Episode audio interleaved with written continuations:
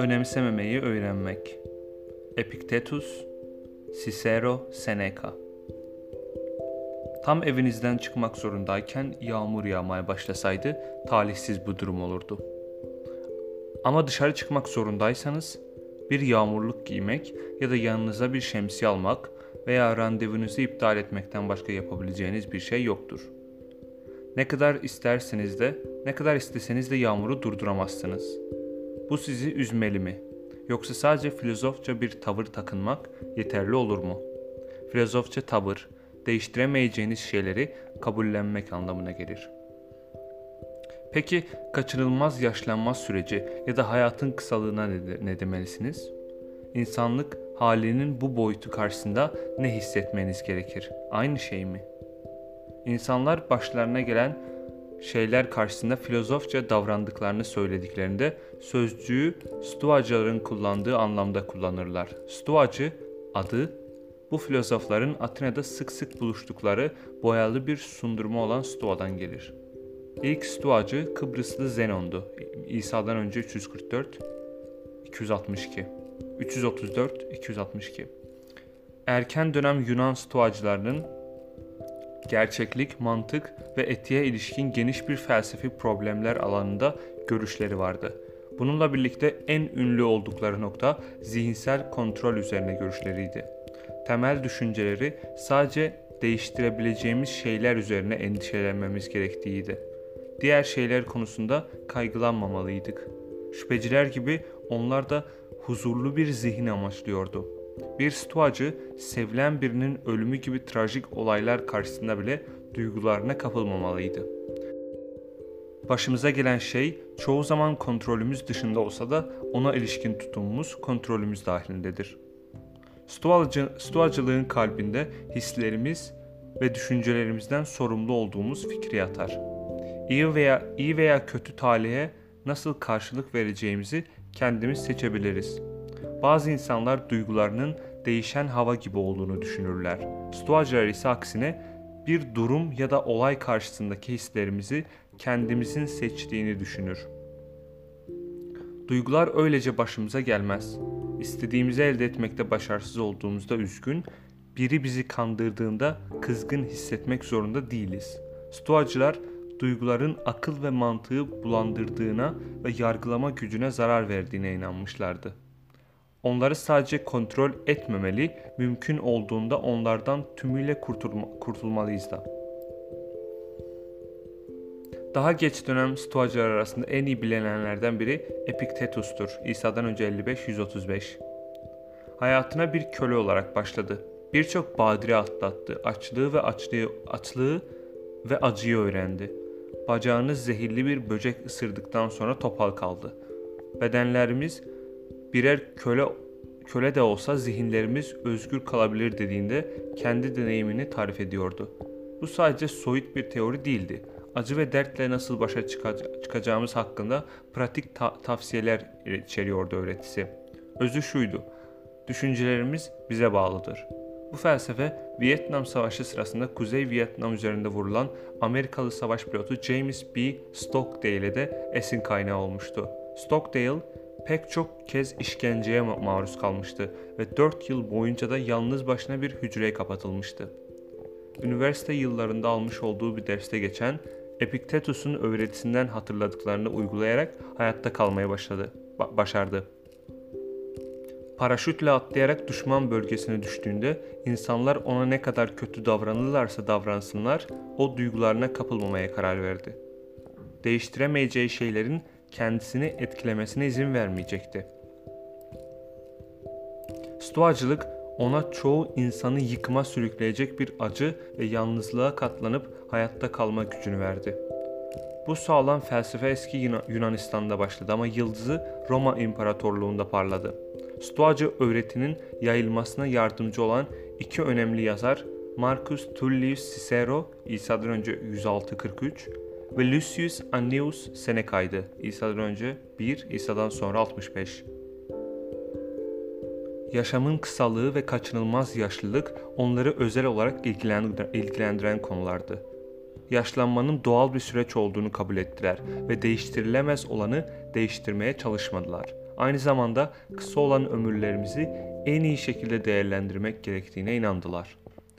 Cicero, Cicero ömrüne pek çok uğraş sığdırmıştı. Bir filozof olmasının yanı sıra politikacı ve avukattı da.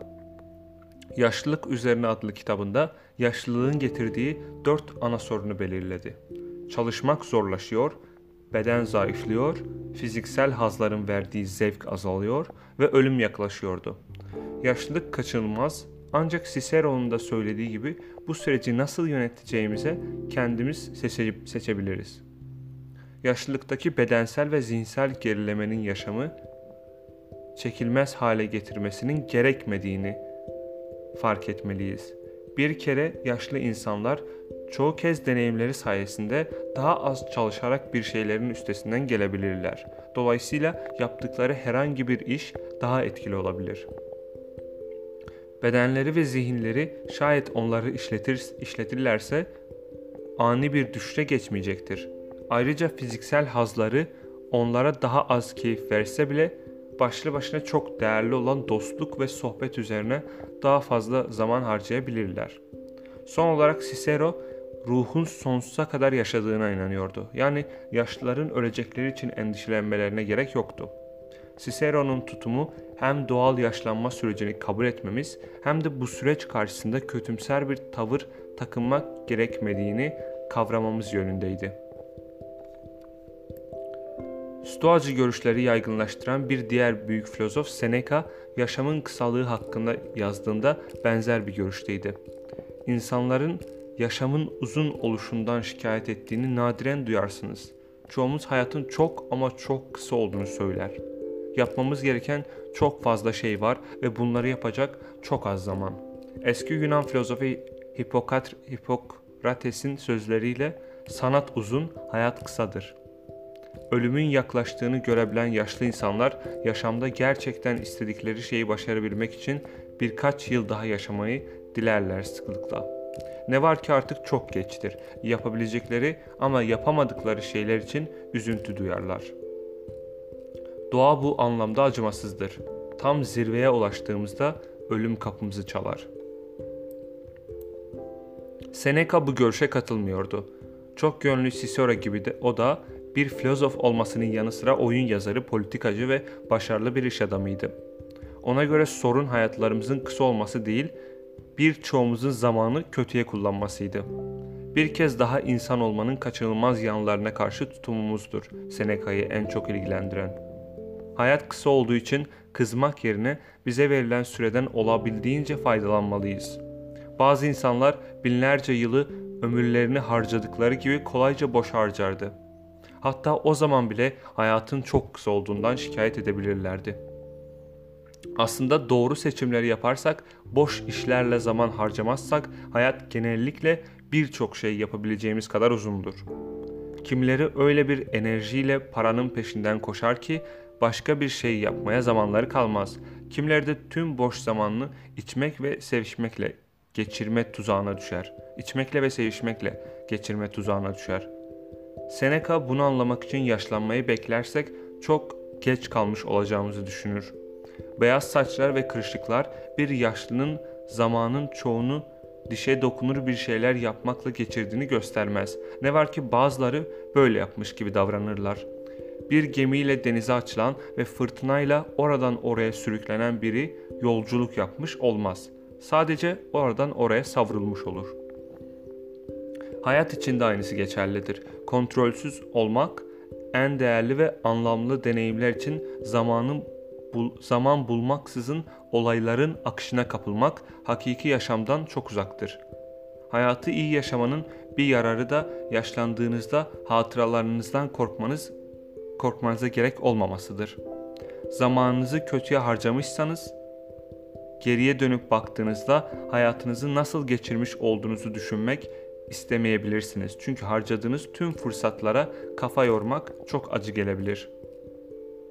Seneca çok sayıda insanın boş işlerle meşgul olduğunu düşünmüştür. Yapmayı başaramadıkları şeylere ilişkin hakikat hakikatten kaçınmanın ilişkin hakikatten yapmayı başaramadıkları şeylere ilişkin hakikatten kaçmanın bir şeklidir bu. Seneca okurlarına her zaman kalabalıktan uzak durmalarını ve gereksiz işlerle meşgul olarak meşgul olarak kendilerinden saklanmamalarını öğütlerdi. O halde Seneca'ya göre zamanımızı nasıl geçirmemiz gerekir? Stoacı ideal, diğer insanlardan uzakta bir keşiş gibi yaşamaktaydı. Seneca zeki bir biçimde var olmanın en verimli yolunun felsefeyle uğraşmak olduğunu ilan etti. İşte bu gerçekten hayatta olmanın bir yoluydu. Seneca'nın yaşamı ona öğrettiği şeyleri bolca uygulama şansı verdi. Örneğin İsa'dan sonra 41 yılında İmparator Gaius'un kız kardeşiyle bir ilişki yaşamakla suçlandı. Bunu yapıp yapmadığı kesin değildir. Ancak sonuçta 8 yıllığına Korsika'ya sürgüne yollandı. Sonrasında şansı tekrar döndü ve imparator olacak 12 yaşında Neron'a öğretmenlik yapması için Roma'ya geri çağrıldı. Daha sonra Sövlev yazarı ve politika danışmanı olarak görev aldı. Ne var ki kaderin bir cilvesiyle bu ilişkide oldukça kötü son buldu. Neron onu kendisine karşı düzenlenen bir suikast planının parçası olmakla suçladı. Seneca, Seneca için bu kez kaçış yoktu. Neron ona intihar etmesini söyledi. Reddetmesi imkansızdı. Zaten reddetse bile her şekilde idam edilecekti. Karşı çıkmak anlamsız olurdu. Kendi elleriyle hayatına son verdi. Stoa, stoacılığından ödün vermeden sonuna kadar sakin ve huzurlu kaldı. Stoacıların temel düşüncelerine bakmanın bir yolu, stoacılığı bir tür psikoterapi, hayatlarımızı daha dingin kılacak bir dizi psikolojik teknik olarak düşünmektir. Düşüncelerinizi bulandıran can sıkıcı duygulardan kurtulduğunuzda her şey daha basit olacaktır. Ancak ne yazık ki duygularınızı kontrol etmeyi başarsanız bile önemli bir şey kaybettiğinizi fark edebilirsiniz. Stoacıların savundukları kayıtsızlık durumu kontrolümüzün dışındaki olaylar karşısında mutsuzluğu azaltabilir. Ama bedel olarak soğuk, kalpsiz bir insana dönüşebilir, hatta bir parça insanlığınızı yitirebilirsiniz. Dinginliğe ulaşmak için ödenecek bedel fazlasıyla fazlasıyla yüksek olabilir. Bir sonraki bölümde düşüncelerini öğreneceğimiz erken dönem Hristiyan düşünür Augustinos her ne kadar eski Yunan felsefesinden etkilenmiş olsa da Stoacılıktan uzaktı. Dünyada gördüğü kötülüklerle derinden ilgilenen, Tanrı'yı ve insanlığa dair planlarını umutsuzca anlamak için çırpınan güçlü tutkunların insanıydı.